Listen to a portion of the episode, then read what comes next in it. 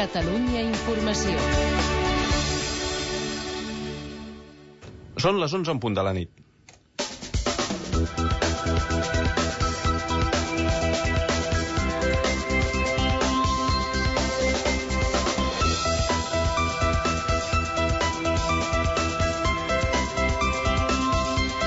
El president José Montilla diu que hem entrat en el temps de descompte per tancar el nou sistema de finançament i reitera la defensa dels interessos del país. La crisi econòmica marca la conferència del president amb motiu dels dos anys del govern d'entesa. Barack Obama confirma els nomenaments de Timothy Geithner com a secretari del Tresor i de Larry Summers com a president del Consell Econòmic Nacional. El nou equip articularà un paquet d'estímul econòmic del qual Obama no n'ha volgut avançar xifres.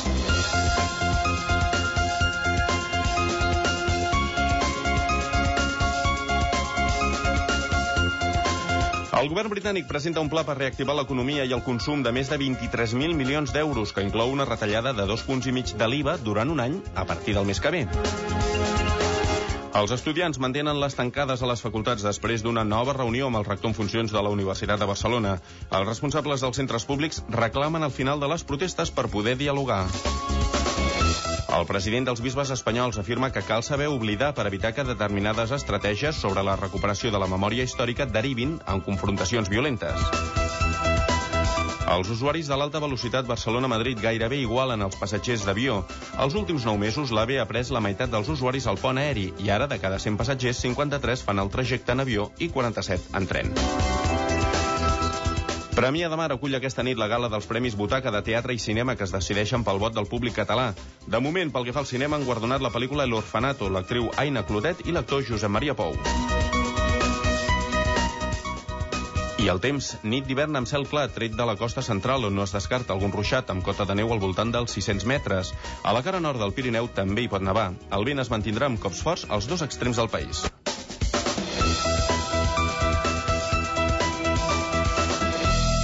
Catalunya Informació.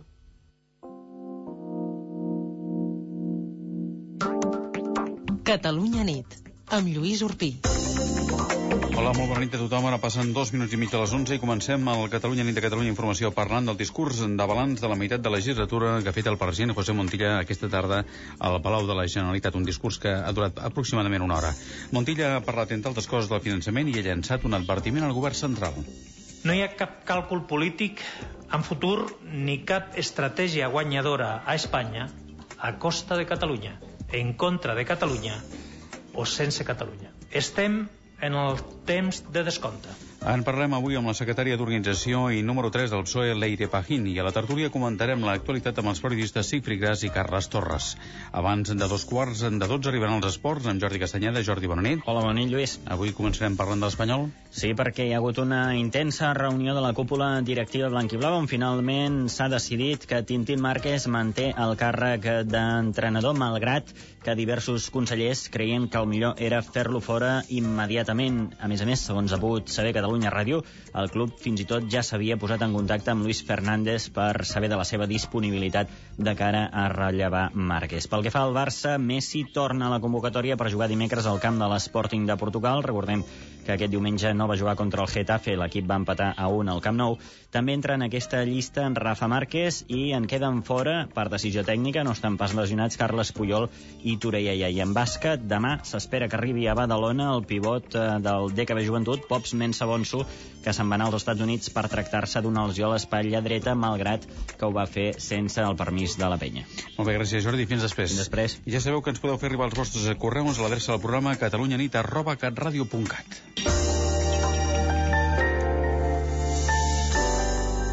Caixa Penedès us amplia la informació i us acosta a l'actualitat. Les notícies més destacades a fons. Caixa Penedès. Persones al servei de persones. José Montilla, el president ha fet balanç avui dels dos primers anys del pacte d'entesa. El president ha subratllat que la prioritat ara és fer front a la crisi econòmica i ha advertit Zapatero que sense un bon finançament Catalunya no se'n sortirà. La conferència al Palau de la Generalitat a la seguida, Marta Corbalan. Marta, bona nit. Hola, bona nit. El president de la Generalitat ha destacat el compromís del seu govern amb les polítiques socials i el sentit de país amb què ha governat Catalunya aquests últims anys. Montilla ha subratllat que l'executiu d'Entesa arriba a l'equador de la legislatura ben complert un 55% del seu full de ruta i ha volgut posar especial èmfasi en un dels principals actius del govern, la inversió pública destinada a infraestructures, la més alta dit de qualsevol país de l'Europa dels 27. En l'actual context econòmic, el president català ha assegurat que el govern assumirà les responsabilitats d'afrontar els efectes de la crisi crisi. Per contribuir a la recuperació d'aquesta crisi, Montilla ha insistit que cal, i sense esperar més, un nou finançament. En aquest sentit, ha llançat un clar advertiment al govern de Rodríguez Zapatero. Espanya tampoc es pot permetre que Catalunya no se'n surti. No hi ha cap càlcul polític en futur ni cap estratègia guanyadora a Espanya a costa de Catalunya, en contra de Catalunya o sense Catalunya. Estem en el temps de descompte. No ens posarem nerviosos abans d'hora, però no dubtarem a defensar els interessos dels catalans. Pendents de la sentència del Constitucional sobre l'Estatut, el president de la Generalitat ha assegurat que si es retalla el text, s'actuarà amb fermesa institucional i realisme polític. Montilla s'ha compromès en aquest cas a convocar els líders de totes les forces polítiques per buscar una resposta el més unitària possible. Vull deixar ben clar que aquest govern no caurà en la trampa de proposar al poble de Catalunya ni horitzons improbables ni camins inviables, però encara menys adoptarà una posició de resignada passivitat. Com a president de la Generalitat prendrà la iniciativa de propiciar, si arribés el moment, espero que no faci falta, una resposta unitària, serena, constructiva, basada en la confiança en les nostres forces i les nostres possibilitats. Davant les reiterades peticions dels seus socis de govern per revisar l'actual pacte d'entesa, Montilla s'ha mostrat obert a adaptar-lo a la nova realitat d'avui, marcada sobretot per la crisi. Segons el president de la Generalitat, la solidesa d'aquest pacte polític no implica ni rigidesa ni immobilitat. Una solidesa que no implica pas la rigidesa o la immobilitat. Ben al contrari, és des d'aquesta solidesa que sense cap temor podem abordar amb tranquil·litat un debat sobre com adoptar i adaptar a l'acord polític d'ara fa dos anys a la realitat ben diferent d'avui, especialment en el terreny econòmic. En un moment crític com l'actual, Montilla ha dit que cal recuperar les fortaleses interiors de Catalunya, una fortalesa que passa per grans principis com la cohesió social o la unitat política. Gràcies a Marta Corbalani. També l'endemà de la novena Assemblea Nacional d'Iniciativa per Catalunya Verds, el seu president, Joan Saura, ha enviat un missatge als seus socis de govern. Vol una actualització del pacte d'entesa el més aviat possible. Ignasi Abad, bona nit. Bona nit. Un dels mandats de l'Assemblea dels Ecosocialistes era remarcar el seu perfil dins el tripartit i una de les primeres decisions que avui ha pres la nova direcció elegida ahir és contactar amb Esquerra i el PSC per demanar una actualització de l'acord d'entesa. Una reunió que, segons Joan Saura, s'hauria de fer com més aviat millor i independentment de si hi ha acord sobre el finançament. És a dir, que Saura voldria que fos al desembre. No podem deixar de parlar i d'actualitzar el pacte eh, esperant el nou finançament. Eh? Per tant, jo crec que és possible fer una actualització del pacte sense eh, acord de finançament, preveient, evidentment, tenint com a segona opció, com a plan B, la, la, la perspectiva d'un nou finançament autonòmic. Saura també ha explicat al costat del nou secretari general de la formació, Joan Herrera, i dels nous cinc vicepresidents, que també es reuniran amb els agents socials per parlar de la crisi econòmica. Pel que fa a la relació amb els socis de coalició electoral, Saura s'entrevistarà dijous al Parlament amb el coordinador d'Esquerra Unida i Alternativa. El mateix Jordi Miralles ha explicat que no solament parlaran de la coalició.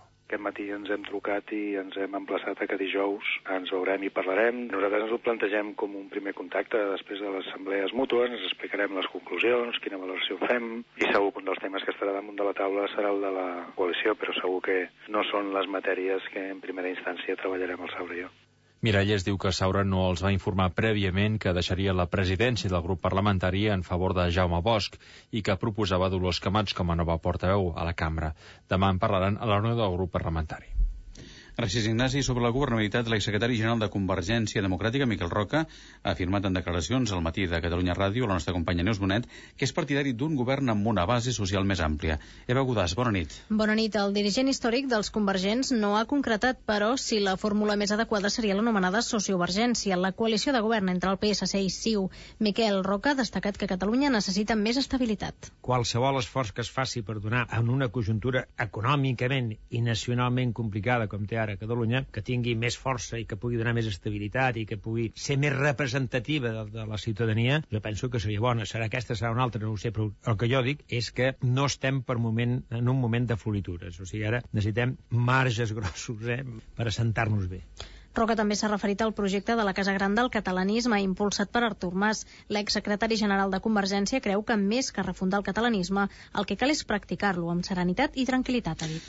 El Senat votarà amb tota probabilitat els pressupostos de l'Estat. Això obligarà a retornar-los al Congrés. El Partit Popular, Convergència i Unió, Esquerra Republicana i Iniciativa per Catalunya Verds han presentat a quatre vetos perquè discrepen amb el contingut dels comptes generals de l'Estat per l'any que ve. Anem a Madrid ara amb Albert Calatrava. Albert, bona nit.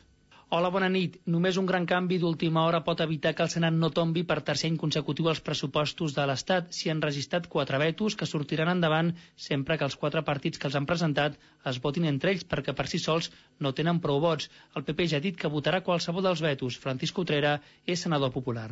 Nosotros votaremos favorablemente todos los vetos, el nuestro y el de los demás. Entre otras cosas porque no entendemos que no se actúe de esa manera. ¿Eh? Lo que nosotros queremos es la devolución al Gobierno de los presupuestos generales del Estado. Iniciativa està disposat a votar el seu veto i el dels republicans i des de Convergència i Unió Jordi Vilajoan assegurava.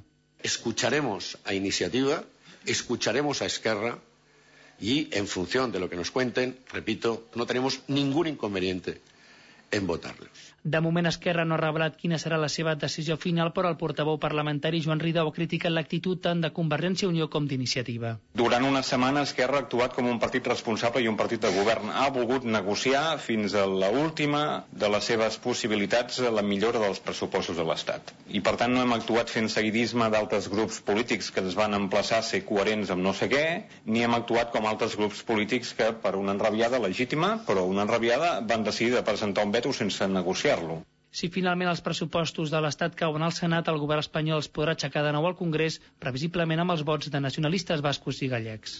I parlem ara de la memòria històrica i d'unes declaracions que han generat eh, ja controvèrsia. Els bisbes espanyols alerten que la recuperació de la memòria històrica de la Guerra Civil i el franquisme pot obrir un nous enfrontaments violents. Des del PSOE acusen la Conferència Episcopal Espanyola d'amnèsia selectiva.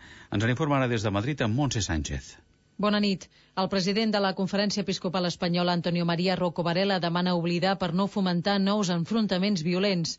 I des del PSOE, José Blanco acusa la cúpula de l'Església d'actuar en funció dels seus interessos. Siempre es necesario vigilar para evitar de raíz actitudes, palabras, estrategias y todo lo que pudiera dar pábulo a las confrontaciones que puedan acabar siendo violentas. A veces es necesario saber olvidar. No por ignorancia o cobardía, sino en virtud de una voluntad de reconciliación y de perdón. Me sorprende que quien está promoviendo canonizaciones ahora eh, apele al olvido y al perdón. Y desde luego no se puede borrar la memoria de nuestro país. Y algunos tienen amnesia. Rocco diu que cal alliberar els joves d'antigues rancúnies, mentre que Blanco demana a l'Església que respecti les decisions judicials.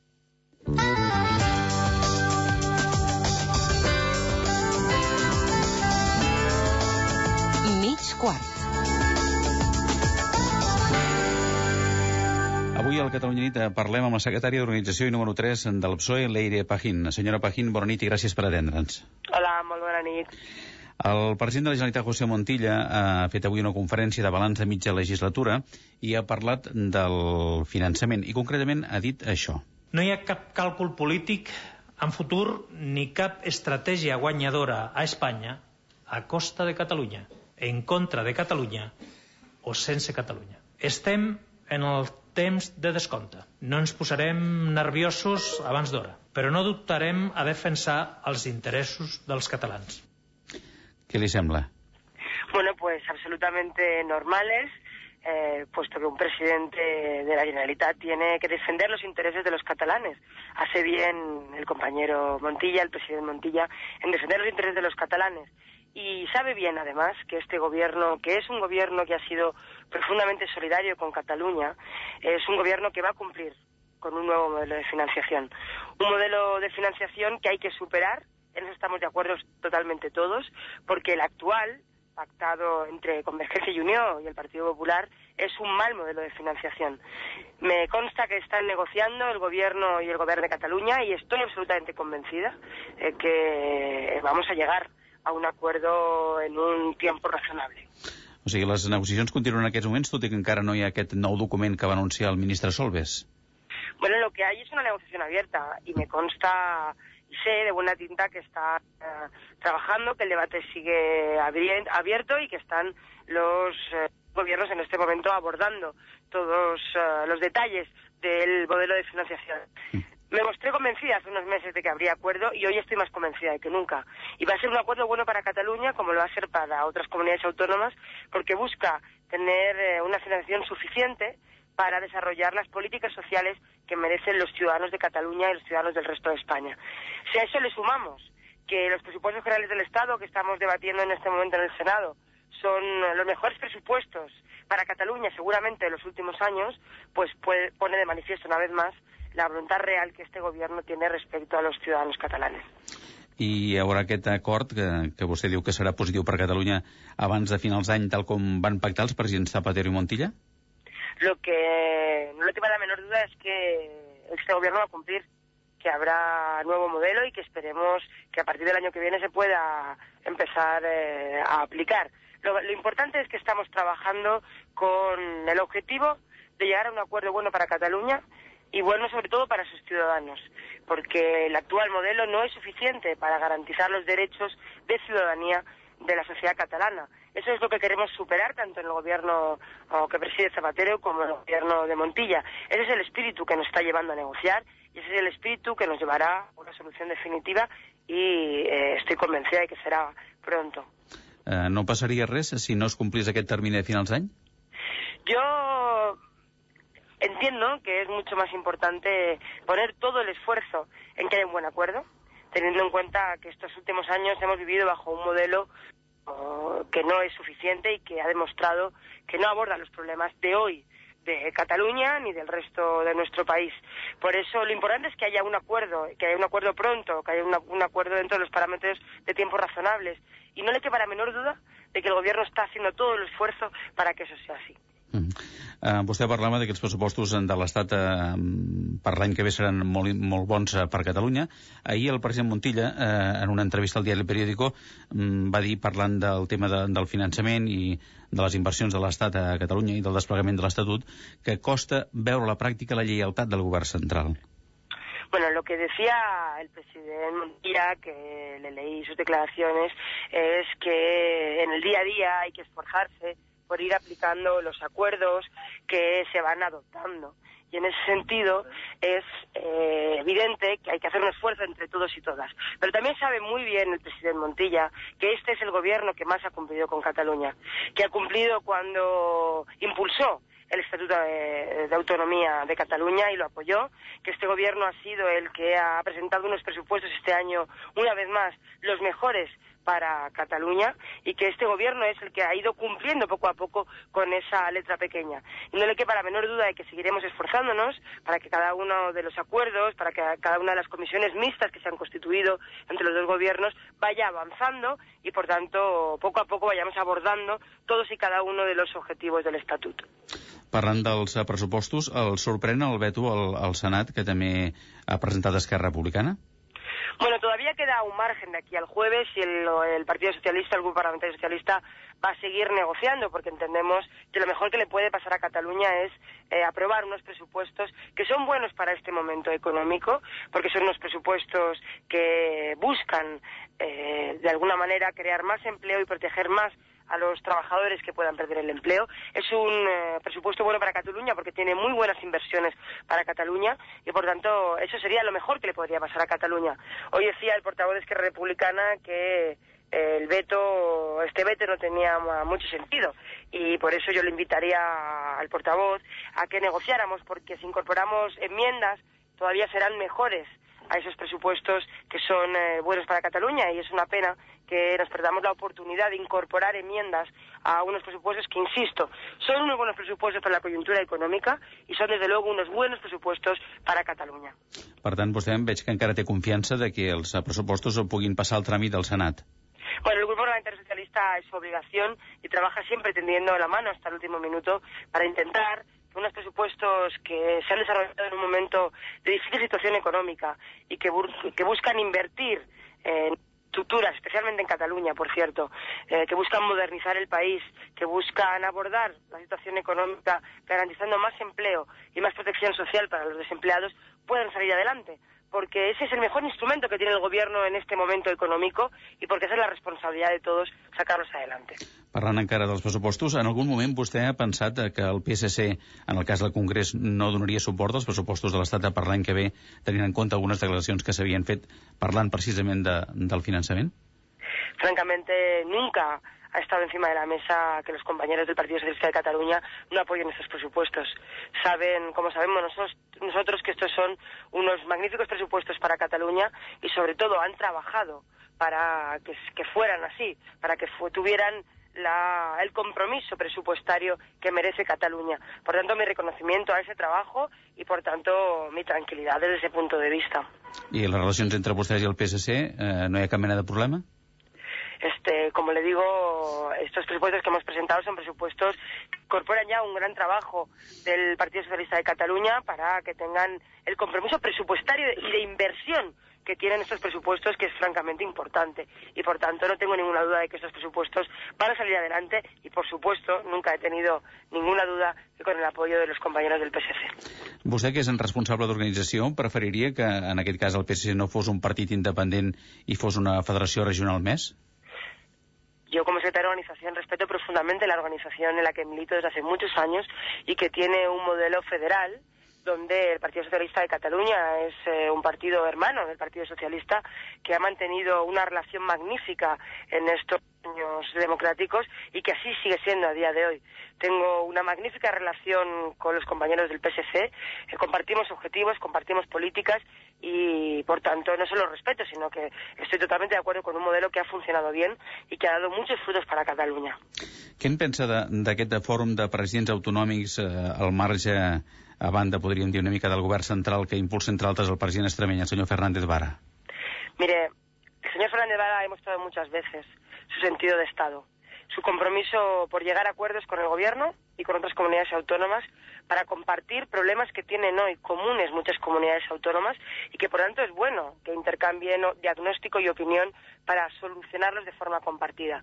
Por tanto, todo lo que sea cooperar entre instituciones, todo lo que sea poner encima de la mesa problemas comunes que puede haber entre diferentes comunidades autónomas y poder abordar soluciones compartidas, eh, incluso buenas prácticas de unas comunidades a otras, me parece bien, porque supone trabajar con sentido de Estado, arrimando el hombro, buscando soluciones los unos con los otros y sobre todo buscando lo mejor para los ciudadanos, que es lo que debemos hacer los representantes políticos. Mm. Tothom al PSOE ho veu de la mateixa manera? Això no hi ha cap mena de problema?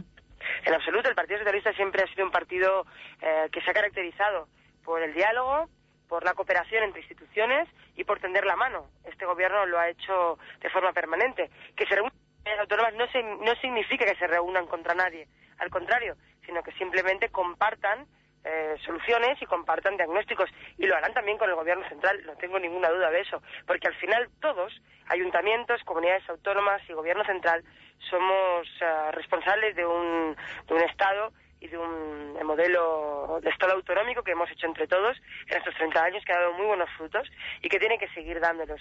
Y especialmente en estos momentos de dificultad económica es cuando más debemos cooperar entre todos, cuando debemos arrimar el hombro, cuando debemos dejar a un lado el debate partidista, cuando tenemos que estar a la altura de las circunstancias y cerca de los ciudadanos que lo van a pasar mal y de las pequeñas y medianas empresas. Así lo está haciendo el Partido Socialista en todo su territorio, donde gobierna y donde está la oposición, que incluso está ejerciendo la responsabilidad de no vetar ni ser un obstáculo a los presupuestos de otros partidos políticos que gobiernan, que entendemos que, los presupuestos son una, herramienta buena para este momento y, por tanto, no queremos ser un obstáculo para que se aprueben, a pesar de que podamos discrepar profundamente del contenido de los mismos, como es el caso de la Comunidad Valenciana o de la Comunidad de Madrid. Parlant encara de les comunitats, després parlarem eh, de la crisi. Eh, quan es convocarà la pròxima conferència de presidents autonòmics? Perquè hi ha algunes informacions periodístiques, avui, per exemple, La Vanguardia deia que arran de la crisi eh, no es convocaria fins aquí a sis mesos. Bueno, el presidente del gobierno es al que le corresponde poner esa fecha y por tanto él será quien eh, la pondrá encima de la mesa. Yo lo que quiero recordar es que este es el presidente que más veces se ha reunido con presidentes de las comunidades autónomas, de todos los colores políticos, una foto que, por cierto, hace tan solo cinco años no era habitual en nuestro país. Y es un, un presidente, además, que está una y otra vez dando la cara. Este mismo jueves va a tener la oportunidad en el Parlamento de volver a explicar las medidas que está adoptando todos los días en favor eh, de las pequeñas y medianas empresas, de la creación de empleo, de la protección de desempleo, del alivio de la, del pago de la cuota de las hipotecas por parte de las familias. En definitiva, un gobierno que está a la cabeza de, eh, del proyecto político para responder a los problemas de la gente. Y, por tanto, es un presidente que está demostrando su cooperación institucional i sobretot su altura de miras en estos momentos difíciles. Parlant d'aquesta crisi, vostè ara comentava que el president Zapatero anunciarà dijous al Congrés un paquet d'inversions eh, públiques en infraestructures. També es vol que les comunitats autònomes i els ajuntaments puguin participar en aquesta reactivació econòmica. Com es farà això? Bueno, en todo momento, muchas de las medidas que se han puesto en marcha se han eh, dialogado tanto con las comunidades autónomas como con los municipios. De hecho, el presidente del Gobierno tiene prevista esta semana una reunión con los municipios, que son instituciones fundamentales para responder a los problemas del día a día de los ciudadanos, especialmente en estos momentos eh, difíciles. Y quiero decirle también que las comunidades autónomas, gobernadas por el Partido Socialista, están tomando medidas similares a las del Gobierno de España para sumar esfuerzos en esa apuesta por la productividad, en esa apuesta por crear empleo, en esa apuesta por estar cerca de las familias que lo están pasando mal. Este, esta situación económica difícil que estamos viviendo, de coyuntura internacional, requiere de más coordinación y de más cooperación que nunca. Y esa ha sido la llamada que una y otra vez ha hecho el Gobierno a formaciones políticas, a sindicatos, a sectores económicos, porque entre todos mmm, podemos de esta y vamos a salir de esta, seguramente fortalecidos, pero con la ayuda de todos. Es pot plantejar el govern espanyol, com ha fet la Gran Bretanya, una reducció de l'IVA per incentivar el consum? El gobierno de España ha tomado una y otra vez numerosas medidas eh, en lo que se refiere a reformas fiscales. Quiero recordar que este es el gobierno que ha reducido el impuesto de sociedades a las pequeñas y medianas empresas, que es el gobierno que le ha devuelto a los ciudadanos 400 euros, que es el gobierno que ha tomado medidas de tipo fiscal desde que llegó al gobierno y, por tanto, ha tomado medidas y seguirá estudiando las que sean oportunas para aliviar a los ciudadanos eh, su, su carga en estos momentos difíciles a la hora de pagar su hipoteca y a, las, y a las empresas a la hora de llevar adelante sus proyectos productivos. Una última qüestió, arran de les declaracions de, del senyor, de Monsenyor Rouco Varela, de la Conferència Episcopal Espanyola parlant de la memòria històrica, pensen en demanar alguna reunió, una conferència per parlar d'aquesta qüestió? Eh, bueno, no, no tengo constancia de esa reunión. Lo que sí que quiero decir es que eh, en este momento estamos eh, abordando un eh, proceso oh, de una ley que los ciudadanos eh, han acogido como una ley para recuperar la memoria de un país democrático que lleva 30 años de democracia, de vigencia de la Constitución y que, por tanto, recupera la memoria y la dignidad de sus ciudadanos desde la serenidad y desde la convivencia que nos dio la transición. Hoy son muchos ciudadanos que quieren simple y llanamente saber dónde están enterrados sus eh, familiares y yo me pregunto, ¿a quién le molesta que un ciudadano tenga todo el derecho a saber dónde está enterrado su familiar y sobre todo darle la sepultura que se merece? Creo que desde el respeto, que desde la convivencia tenemos que abordar esta convivencia con, y esta ley con eh, la tranquilidad que nos ha dado los últimos 30 años y sobre todo con la necesidad de recuperar la memoria, especialmente de aquellos que hasta ahora parecía habían caído en el olvido. Senyora Leire Paquín, gràcies per haver-nos atès al Catalunya Nit i molt bona nit. Ha sigut un plaer, molt bona nit.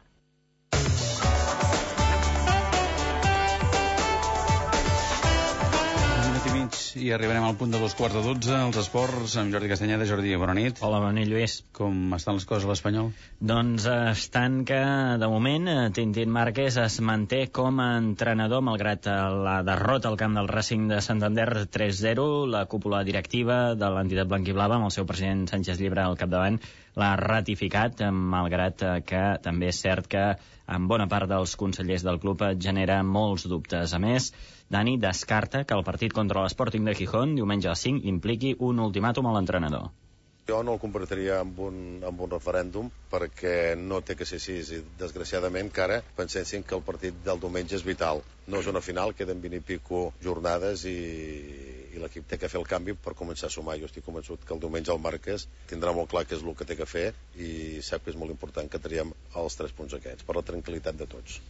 Catalunya Ràdio, però, ha sabut que l'Espanyol també s'ha interessat al llarg d'aquest vespre per la disponibilitat del tècnic francès Luis Fernández per dirigir l'equip. Fernández ja ha tret l'Espanyol de situacions delicades en altres eh, temporades. El que sabem del cert, per tant, és que diumenge a les 5 de la tarda l'Olímpic Lluís Companys, qui s'asseurà a la banqueta de l'Espanyol és uh, Tintín Márquez i qui no hi serà és el lateral Finan que es va lesionar al camp del Racing, és uh, baixa, per tant, segura contra l'Sporting és baixa perquè està lesionat del soli de la cama dreta. El Barça torna a la convocatòria Messi, que no va jugar contra el Getafe, sí que com a mínim està a la convocatòria per anar a Lisboa a jugar contra l'Sporting de Portugal. Recordem que en aquesta convocatòria també hi han entrat Rafa Márquez i en canvi es queden a Barcelona per decisió tècnica, no pas per lesió, Carles Puyol i Touré i Allà. També en Champions, partit important del Madrid, que juga bona part de les opcions de passar ronda al camp del dèbil Bate Borisov a Minsk, a, a Bielorússia. I un altre partit important és el que decidirà el primer i el segon grup, del, el primer i segon lloc del grup del Villarreal i del Manchester, partit eh, demà al Madrigal, i des del País Valencià, atenció, perquè l'entrenador del United, Alex Ferguson, ha parlat de qui pensa que és el principal candidat a la Champions. Jo crec que el Barcelona és la gran amenaça per a tothom aquesta temporada. L'experiència que hem tingut a les últimes temporades, quan ens hi hem enfrontat, és que el Barça és un rival molt complicat. I aquesta temporada, encara més, han incorporat un nou entrenador, han fitxat, per exemple, Dani Alves i han reforçat la defensa amb jugadors importants com Gerard Piqué. Han canviat l'aparença de l'equip. El Barça aquesta temporada és molt fort, molt millor que la temporada passada. Per tot plegat, em fa l'efecte que el rival a batre actualment és el Barça. I en bàsquet, aquest dimarts torna finalment dels Estats Units el pivot del DKB Joventut Pops Mensabonsu, que s'hi està tractant d'una lesió a l'espatlla. Recordem que la penya li va obrir expedient perquè es va quedar als Estats Units sense el permís del club. I un últim apunt de tennis, perquè dos catalans es postulen com a nous capitans de la selecció espanyola de Copa Davis. Parlem d'Albert Costa i d'Àlex Corretja, un cop Emilio Sánchez Vicario ja ha dit que vol deixar el càrrec. Molt bé, gràcies Jordi, fins després. Fins després.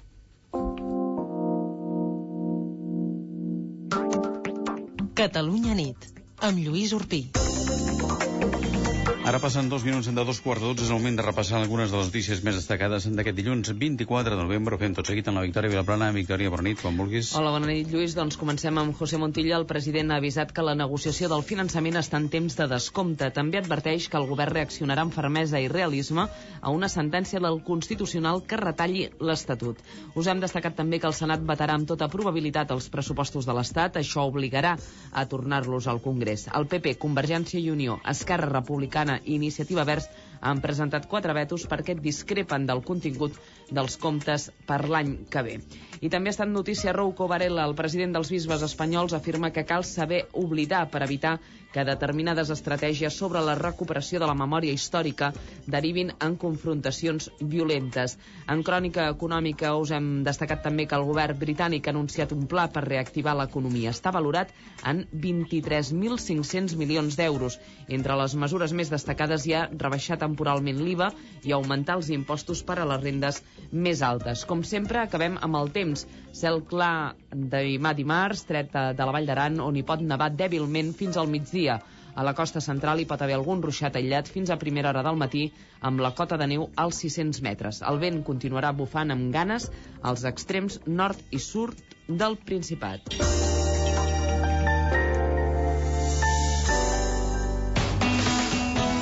Bona nit. El número premiat del cupó diari celebrat avui és el... 40.889 40889. Demà, com cada dia, hi haurà un venedor molt a prop teu que reparteix il·lusió. Bona nit i recorda que amb el sorteig de l'11 la il·lusió es compleix. Geni de la llàntia meravellosa. Doctor, no sé què li passa. Vull un televisor. Pidola i pidola. Un ordinador. Tot el dia frega targetes de color verd. Unes vacances I fantàstiques. no és el primer. Unes maletes. És greu, què ets de fer? Comprar amb les targetes Visa de Caixa Penedès podrà pagar quan vulgui i, a més, guanyarà regals. Joan sortim a comprar. Targetes Visa de Caixa Penedès. Genials. Caixa Penedès. Persones al servei de persones. Catalunya nit. L'anàlisi de la política i els seus protagonistes a Catalunya Informació. Ara passen 4 minuts i 20 de dos quarts de 12. Ja sabeu que ens podeu fer arribar els vostres correus a l'adreça del programa catalunyanit arroba catradio.cat. Avui a la tertúlia ens acompanyen des del nostre centre territorial de Madrid els periodistes Cifri Gras i Carles Torres. Bona nit i benvinguts. Hola, bona nit. Hola, Lluís, bona nit. Bé, d'entrada, què destacarien de les paraules de la senyora Pajín? Bé, doncs, d'entrada, eh, parlant de finançament, hi ha hagut un parell de coses que m'han cridat l'atenció, i és que dir que el govern, el govern espanyol, espera complir, o sigui que l'any que ve hi hagi un acord, que bàsicament com estigui previst, però està com molt ambigu amb la data d'aquest acord, no? Ha dit que el més important és que el model sigui en temps raonable. Això m'ha cridat l'atenció perquè em sembla que ja Catalunya porta molt temps esperant un acord en temps raonable. Aleshores, jo crec que, com a mínim, eh, l'Ere Pajín el que hauria d'haver dit és el que diu Zapatero, que és que diu que el 10 de gener hi haurà un nou acord. Aleshores, tot això de temps raonable em sona una mica coses que no ens agraden massa sentir des de Catalunya, perquè ja hem sentit moltes coses en temps raonable que han anat molt més tard, no? Aleshores, diguem que m'ha donat una mica, m'ha posat una mica en prevenció, en aquestes paraules de, de l'Ere Pajín. Uh -huh. Home, s'ha de dir que parla, que parla molt, no? Esta noia és molt simpàtica, és, la, és de Benidorm, em sembla. Sí. Eh, no, eh, parla molt, és molt simpàtica, i jo crec que ara mateix en els partits eh, deu ser el tipus de el tipus de, de portaveu que els agrada, no? Eh, perquè la veritat és que mm, parlar massa no vol dir dir moltes coses i en aquest cas eh, jo l'he estat escoltant atentament i si hagués de treure un titular eh, em costaria, no? Perquè, és clar, el que diu el Siegfried, que és veritat, el que, que és el més destacat, diguéssim que amb un, amb, amb un elector català li deu sonar una miqueta, no diré a, a cachondeo, que dirien aquí a Madrid, però quasi. Uh -huh. Hi ha una altra qüestió, si, si em permets, Sí, que sí. és, eh, parlant dels, dels pressupostos, que també, eh, diguem, fa una certa gràcia, no? I és que quan l'Ere Pajín diu que esperen treure els pressupostos al Senat i que esperen poder-los tirar endavant i convèncer Esquerra, això és mentida. Vull dir, és a dir, el, Partit- el Partit Socialista el que vol fer és no treure els pressupostos al Senat, perquè treure'ls al Senat, és a dir, que no hi hagi un veto al Senat implica haver de negociar moltes esmenes i els hi complica molt més la vida. És a dir, eh, més el que més els interessa és que hi hagi un veto d'Esquerra Republicana al Senat, en el qual atorga majoria aquest veto, i a partir d'aquí tornar al Congrés. No? Aleshores, això és una història que jo crec que realment no és veritat. I aquí, clar, aquí hi hauria un tema important que és hauríem de començar a analitzar culpables. És a dir, per què Esquerra Republicana volia negociar aquests pressupostos al Senat i el Partit Socialista al final eh, no, no els hi dona res, no? Doncs no ho sé, millor vull dir, Esquerra Republicana ha demanat 800 milions per la llei de dependència, si no m'equivoco, uh -huh. potser Esquerra Republicana ha posat uns objectius també massa grans, o sigui, l'hem posat molt fàcil al Partit Socialista, potser haurien d'haver posat uns objectius una miqueta més raonables que haguessin facilitat una mica la negociació, no? En tot cas, jo crec que, no per Esquerra, que jo crec que realment volien treure alguna cosa al Senat, però pel Partit Socialista, doncs ja, ja, ja els està una mica bé el que hi ha, no? Ja els està una mica bé de, bueno, que es vetin els pressupostos al Senat, ens oblidem d'encloure qualsevol esmena, que qualsevol esmena, lògicament, és una despesa important, tornem al Congrés i fer els pressupostos que, que ja estaven previstos, no? I la cosa, no sé si, perdona, Lluís, No, no, no. no. sé, no sé si la cosa està en, tant entre, entre el PSC i, o el PSOE i Esquerra com entre el PSOE i el PSC, perquè, a veure, tenim per una banda Montilla que advoca no, per eh, tenir més fermesa i unitat eh, davant una eventual retallada de l'Estatut. Uh Mhm. -huh. Per l'altra banda, escoltes, eh, escoltes l'Aire Pajín fa una estona dient que ells no tenen cap preocupació pel que pugui dir el PSC, perquè són amics i, escolta'm, aquí entre tots ho arreglarem tot, i que en cap moment hi ha hagut sobre la taula eh, cap amenaça eh, eh, seriosa al PSC. Ni, ni, ni hi ha hagut amenaça ni hi haurà amenaça. És clar, és molt fotut negociar amb aquestes condicions. Perquè si tu no tens ni el dret d'aixecar-te, donar un cop de puny sobre la taula i marxar d'una negociació, aquesta negociació no val per res, això no és una negociació. Sí, bé, jo penso que el PSC mai ha plantejat en aquest sentit, doncs, o sigui, el cop de puny que donen és un cop de puny real en, mol, en moltes coses, però amb els pressupostos no. És a dir, el PSC ha fet una feina aquí a Madrid que jo crec que alguna cosa important han tret dels pressupostos que ara a Catalunya, però que el cop de puny i votem que en els pressupostos va ser una amenaça mm, realment irreal al seu moment. Una altra cosa, i és una cosa que podríem també parlar, és si, bueno, si hi ha una retirada de l'Estatut, si potser el PSC es podria plantejar realment fer aquest cop de puny a la taula de veritat o buscar aquest front unit que ens diu que, que, que, que busca mentia, no? que ha fet en el discurs d'avui. De, de tota manera, els pressupostos sortiran endavant, sortiran endavant i sortiran endavant amb el veto al Senat que tornarà al Congrés, mm. allà el votarà el PNB i, els, i el BNG i ja està. No? Llavors, és veritat que a partir d'aquí jo crec que el PSC, com, jo crec que els partits catalans en general els quatre han fet un bon paper, treure alguna cosa, però clar, una cosa molt insuficient perquè un cop ja té, bueno, suficient, un cop ja té el govern garantit el suport, doncs les preocupacions són les altres, no?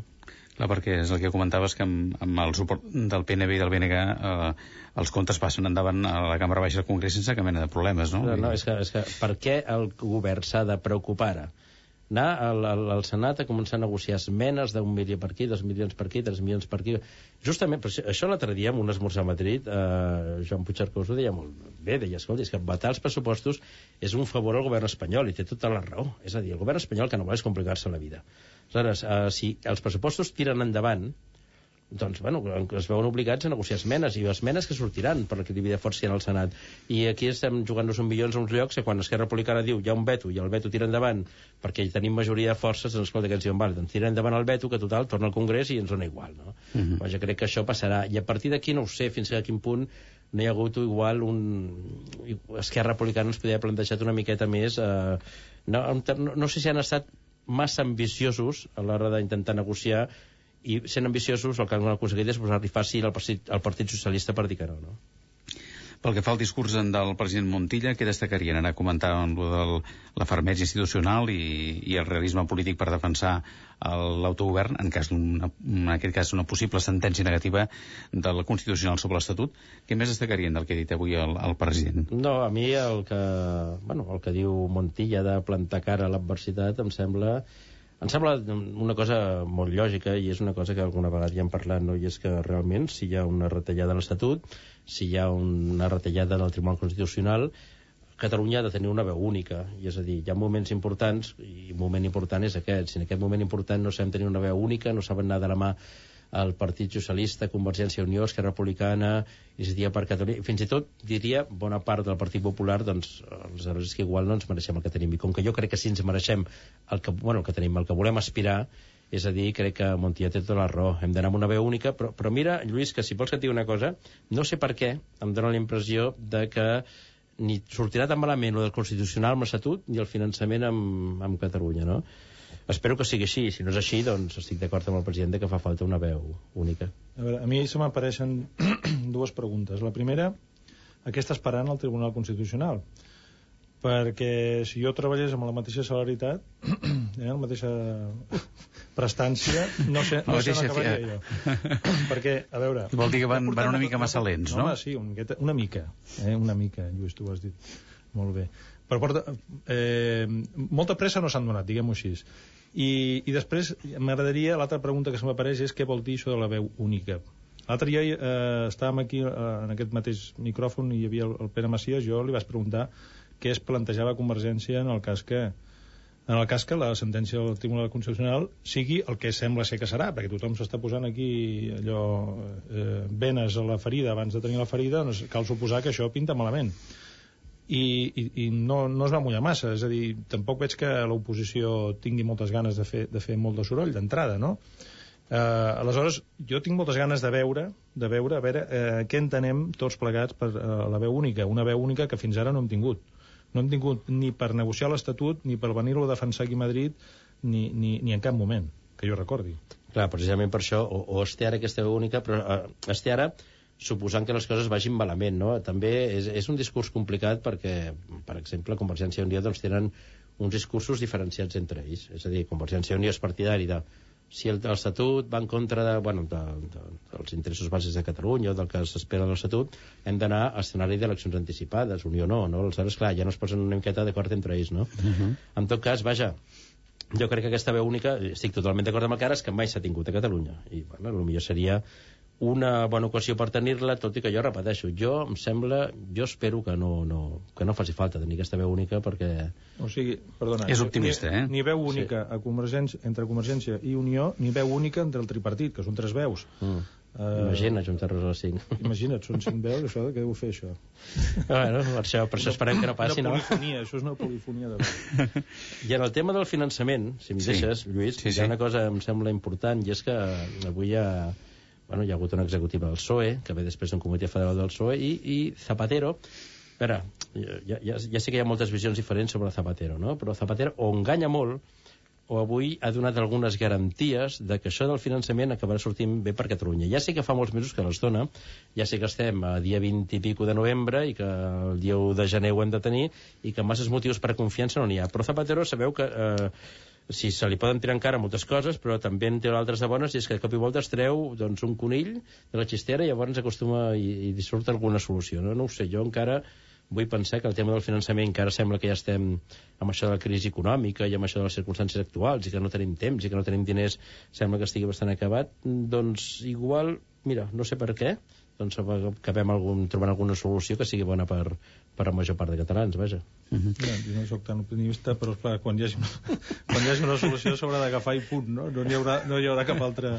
Llavors suposo que hi haurà gent que dirà que és molt bona solució, esclar, que hem de dir. No, això segur, vull dir que... Sí, segur que hi haurà que ho veuran molt bé i n'hi haurà que no ho veuran, no ho veuran tan bé. Estem fent tertúlia al Catalunya Nit eh, amb Sigfrid Gras i Carles Torres.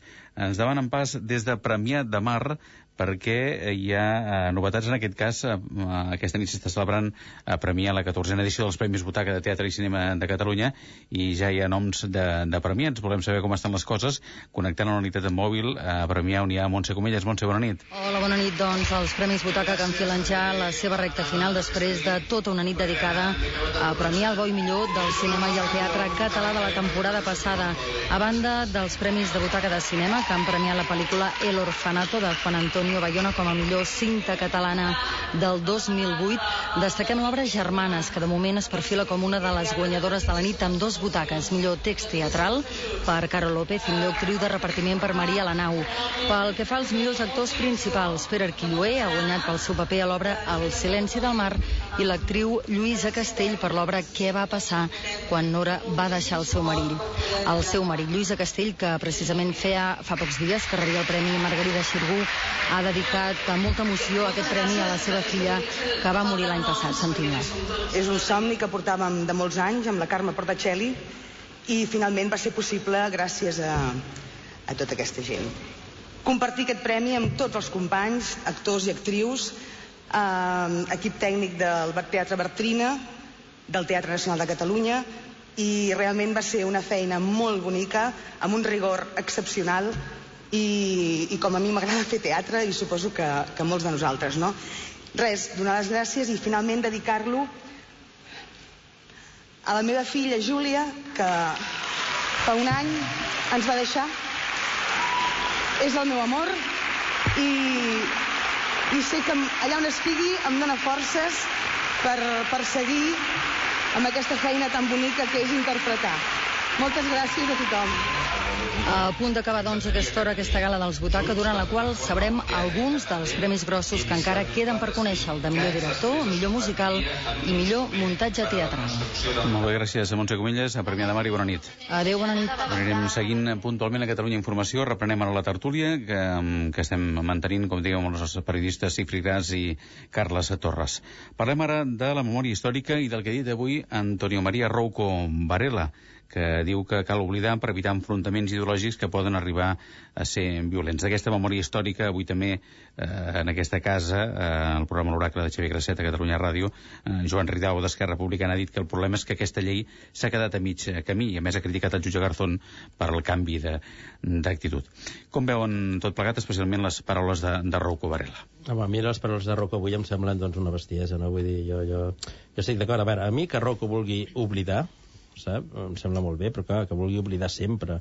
Avui estava en una roda de premsa del Partit Socialista i és que, en el fons, em sembla que tenien tota la roda del món. A veure, vols oblidar quan t'interessa i quan no t'interessa no. És a dir, vols oblidar quan, quan demanes canonitzacions per gent que va ser... que em sembla molt bé, eh, que es pugui demanar, però vull dir, el que no es pot tenir és una doble moral. És a dir, o oblidem o no oblidem. A partir d'aquí jo sóc de la base de... Igual no oblidem. Jo entenc que va haver una època en què va ser important oblidar i sobretot més que oblidar va, va ser important deixar passar un temps. Eh? I a partir d'aquí estem confonent moltes coses. Estem confonent els crucifixos a les esglésies, estem confonent la memòria històrica amb la gent, el dret a enterrar la gent morta, i estem eh, confonent-ho també amb eh, que es pugui, la, no sé, o sigui, amb, amb jutjar la gent del passat. És a dir, hauríem de clarificar una mica les coses i dir, miri, escolta, no, no, no hi ha fer revanchisme, hem passat una època política, no es tracta, no posarem a, a fraga als tribunals ara, però el que sí volem demanar és una mica el dret de la gent a poder enterrar els seus familiars, a poder saber on estan, i que la memòria històrica sigui això, no sigui un record i no sigui ni un revanchisme ni una cosa semblant. Home, jo crec que intentant agafar la part positiva, cosa que costa bastant eh, quan es tracta de la conferència episcopal, perquè, però en fi, eh, busquem la part positiva. Diu, eh, sem sembla ser que la, la música aquesta ja sona una mica a, a, un, a una cosa ben diferent del que hi ha hagut en els últims, en els últims anys. No? Sembla que, per una vegada, sembla que vulguin eh, deixar tocar trompetes de, de guerra i buscar un, una solució de, d'acostament, diguéssim, eh? diguem-ho així. A mi el que em, crida l'atenció de les paraules del, del Rauco més aviat és quan parla de la crisi econòmica i, i, i, i parla de la falta de moral en el, en el, mm. en el plantejament eh, de certs eh, actors econòmics, diguéssim, que han, que han eh, volgut eh, treure un rendiment, eh, diguéssim, eh, eh, em penso que diu desproporcionat, no? Sí clar, això em fa molta gràcia tenint en compte que a la, a la, a la cadena eh, dels bisbes a la cadena COPE a la cadena COPE hi ha un programa al matí eh, que defensa l'ultraliberalisme que té una tertúlia formada exclusivament per gent que defensa l'ultraliberalisme a ultrança eh, i que és un plantejament que, que eh, clarament entra en contradicció amb el que estan dient els bisbes. Llavors aquí jo sí que, per dir-ho clarament, al·lucino. Uh -huh. No entenc res ja. No, i, i el camí que s'ha d'entendre és... Eh, a veure, jo, jo respecto totes les creences i respecto que cadascú tingui dret a, a pensar el que vulgui, però qui són els bisbes partint a, a amb què entrem aquesta crisi econòmica amb quins, o sigui, és una crisi de valors que jo crec que, que de vegades s'extralimiten és a dir, jo crec que la conferència episcopal és una institució superrespectuosa, que hem de, de respectar per moltes coses, però a partir d'aquí bueno, s'ha de respectar doncs, el nivell que és. Si és un nivell religiós, si vols un nivell intel·lectual de les persones, però ja tampoc que no ens donin lliçons sisplau, sobre coses com ara per què tenim una crisi econòmica o sobre el que hem de fer amb el nostre passat i el nostre futur. No? Jo crec que això són coses que ja haurien d'estar com oblidades. Uh -huh. Home, jo crec que... A veure, un moment. Amb això jo no estic d'acord amb el que diu l'Església, ni, ni soc catòlic, ni vaig a missa, ni res d'això, però jo crec que ells tenen dret a dir el que... és a dir, com tots nosaltres tenen dret a, a, buscar uns motius de, o, un origen del per què eh, ens hem trobat en una crisi econòmica. Jo crec que tothom és lliure d'opinar en aquest sentit. El que jo no trobo també ja és que intentin decidir sobre la meva vida particular. Això ja no m'agrada tant. És a dir, quan volen canviar les lleis i aplicar la moral catòlica a una sèrie d'àmbits privats, doncs aquí sí que ja entrem en contradicció i aquí ja, ja no em sembla tan bé. Veure, ells volen dir que, que, que això respon a una sèrie de motius d'immoralitat, amb el qual jo potser no diria immoralitat, diria falta d'ètica, però, però puc, puc coincidir bastant amb el que diu el Rocco en aquest cas. També puc coincidir bastant de manera mm, ja preocupant per mi, perquè em començo a preocupar, amb el que va dir el papa no fa gaire, en el sentit de que la, la, el primer que demostra la crisi econòmica és que el diner està desapareguent amb, perquè el diner és paper i és veritat, i jo estic d'acord això, i pots estar d'acord amb el papa quan diu això des d'una postura, diguéssim, per dir-ho simplificant d'esquerres, no? Eh, realment la crisi econòmica aquesta demostra que, que el, el paper és el que és, és, un, és una convenció social i quan hi ha una situació de crisi desapareix entre els nostres dits i aquí és on ve l'origen del problema eh, que diguéssim que la societat es crea una sensació de que la riquesa no és riquesa és, és una, és una entelèquia. Mm -hmm. No, no, jo el que és que bàsicament és que jo crec, a diferència teva, que s'atribueixen un paper excessiu. Ara com tantes vegades, és a dir, ara com quan venen eleccions i diuen que millor votar un partit determinat perquè tenen unes idees, o, votar... o sigui, jo crec que aquesta gent han de tenir un lideratge religiós, faltaria més que per, per això són l'Església, però a partir d'aquí fan un lideratge eh, polític i social que crec que ningú els hi ha demanat i que la gent que pot creure més o pot creure menys, no, no crec que cregui més o cregui menys perquè els diguin que votin el seu al PP, no? Jo crec que aquí cometen un error. Estem fent tertúlia al Catalunya Nit amb Sigfrid Gas i Carles Torres. Ha arribat ja la Victòria Vilaplana. Victòria, bona nit. Bona nit, Lluís. Tenim ja les portades, o almenys algunes de les portades i titulars de, de demà No les dimarts. tenim totes, ens falta la del periòdico de Catalunya, que no sabem encara per on aniran els trets, però dir-vos, eh, efectivament, Sigfrid i Carles, que, per exemple, el tema dels bisbes és un tema recurrent en moltes portades, Uh -huh. especialment als diaris d'àmbit estatal. Uh, Dir-vos que, per exemple, La Vanguardia obre en clau econòmica, diu que les borses es disparen pel rescat de Citigroup, que Obama elegeix un equip econòmic a la mida de l'expresident Bill Clinton, i també titula sobre la conferència del president Montilla, que avisa que Espanya no té futur si frustra Catalunya. El diari Avui, sobre la conferència del president amb motiu dels seus dos anys al capdavant del govern tripartit, titula Pla B, sense referèndum. Montilla estudia una resposta unitària si el Constitucional limita l'autogovern, però descarta camins inviables. També destaca aquest rotatiu que el govern central estudia com blindar Repsol dels russos i Nadal al carrer un mes abans, que déu nhi també. Al diari El País, l'entrada de la Lucó i la Repsol perilla per la falta de finançament, el rescat de Citigroup es tradueix en fortes alces a totes les borses i a les planes de Catalunya són també pel president Montilla, que avisa que plantarà cara si el Constitucional retalla l'Estatut. Al diari El Punt, a la seva edició de Barcelona, Montilla liderarà una resposta unitària si el Constitucional retalla l'Estatut. La foto és per als treballadors de Nissan, que portaran la protesta a Madrid, i el conductor begut que va matar dos motoristes diu és policia al Prat. El diari El Mundo, l'ICO va finançar amb 350 milions l'entrada de Del Rivero a Repsol, eufòria a les borses després de la injecció de més de 16.000 milions a Citigroup i Montilla convocarà tots els líders per buscar una reacció única si el Constitucional retalla l'Estatut. Anem ara pel diari El Público, que pràcticament íntegrament dedica la seva portada als bisbes. Diu els bisbes i el PP defensen els crucifixos i l'oblit, la, la venda de Repsol a la petrolera russa Lukoil a refreda i una empresa, una empresa comercialitzarà, atenció, nuclears de butxaca el 2013. Què vol dir això? Doncs eh, bona pregunta, perquè No, no tenim més només- no tenim més informació.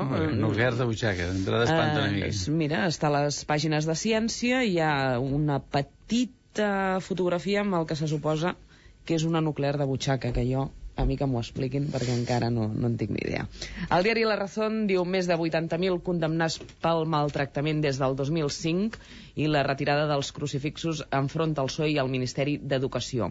Acabem amb el diari ABC que diu que els minoritaris a Repsol demanen que s'obligui Lukoil a llançar una OPA i publica una entrevista a la ministra d'Educació on diu que els pares tenen dret a demanar que es retirin els símbols religiosos. Molt bé, gràcies, Victòria. Aquests són els titulars dels diaris de demà. Volen fer algun comentari? Sigfrid i Carles? No, jo bàsicament, doncs, a veure si, si bueno, realment ja, ja, ja sabeu que no penso exactament igual, però si realment hi ha un problema amb el Tribunal Constitucional respecte a Catalunya, doncs m'agradaria que la frase de Montilla de que de que, bueno, de que Espanya no té futur, si d'alguna manera es fent a Catalunya tal, doncs realment eh, a Catalunya eh, siguessin capaços tots de trobar una resposta comuna. No? Espero que, jo crec que és un mínim que es mereixem des de Catalunya i és que si hi ha un problema greu com seria aquest en aquest cas, doncs sapiguéssim donar una resposta comuna entre tots. Sí, jo crec que en Montilla a mi particularment no em fa por. Crec que el, el Zapatero encara n'hi deu fer menys i així no, no anem massa bé. Uh -huh. Volen comentar alguna altra cosa? Aquest Nadal que ja s'acosta enmig de- d'una crisi important? Bueno, no critiquis això de les, de les nuclears de butxaca, perquè No, si serveixen perquè sí, deixem de sí. carregar el mòbil d'una vegada ja. Sí, això del nuclear de butxaca tampoc ho hem acabat d'entendre, no? Ens imaginàvem No, allà haurem petites de centrals nuclears per les cantonades, però no, no sabem ben bé què vol dir. Haurem no? de, de, de llegir-ho. Home, Zapatero no deu estar a favor, perquè, bueno, Zapatero que té un plan de desmantellar nuclears, vull dir, això de nuclears de butxaca no, no, no, no, no ho sé molt bé, no? Sí, deu posar, no? Bueno, imaginem, bueno, com a mínim li, li suposem que s'hi oposi. Molt bé, ens acaba d'arribar un... més titulars. Mira, sí, ens acaba d'arribar ara mateix la portada del diari El Periódico, que obre precisament amb Rouco Varela. Diu l'Església contra l'impuls de la memòria històrica. Rouco demana que s'oblidi la repressió franquista, que ho tenim en lletra molt, molt, molt petitona. El líder dels bisbes rememora la Guerra Civil i reclama votar tornar a l'esperit de reconciliació i el PSOE recorda l'episcopat que el 2007 van ser beatificats 496 màrtirs de la batalla. Aquest eh, rotatiu també destaca que l'arribada del vent polar avança l'hivern, en podem donar constància, i m'imagino que des de Madrid encara més. Sí, sí, que també s'avança. Les mesures contra la crisi de Londres i Washington disparen les borses i les escoles catalanes disposen d'ordinadors, però els fan servir molt poc. Això de Rocco Varela és molt recurrent, eh? perquè realment ja cansa. No? Portem anys i anys amb Rocco Varela. Eh? I havia marxat i torna, eh? però no acaba de marxar i és una cosa d'aquelles... Mentre continuï, no? Sí, Molt bé, gràcies, Jo Victòria. portava la central nuclear a la sotana. I bona nit. Molt bé. Gràcies, Ificràs i Carles Torres. Bona nit. I bona nit. Bona nit.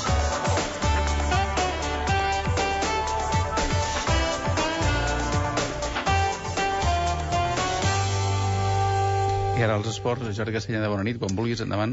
Mm, Comencem eh, recordant la notícia d'aquest vespre i és que l'Espanyol manté Tintín Márquez com a entrenador després d'una reunió de la directiva on diversos consellers creien que el millor era fer-lo fora de forma immediata, però amb el principal avalador Dani Sánchez Llibre, el president del club, Tintín Márquez s'asseurà diumenge vinent a les 5 a l'Olímpic Lluís Companys contra l'Sporting. I la reflexió d'avui passa per l'hoquei patins. Ja n'hem parlat diferents vegades, però aquesta vegada és per parlar del Barça Sorli Discau, l'equip que ha estat intractable a l'hoquei Lliga en les últimes eh, temporades i que aquest any ja ha perdut dos partits al Palau Blaugrana. Això vol dir que haurem d'estar molt atents a què fa el Patí Vic, que de moment és líder, i a què fa el Reus, perquè promet una alta emoció la Lliga d'Hoquei Patins d'aquest any.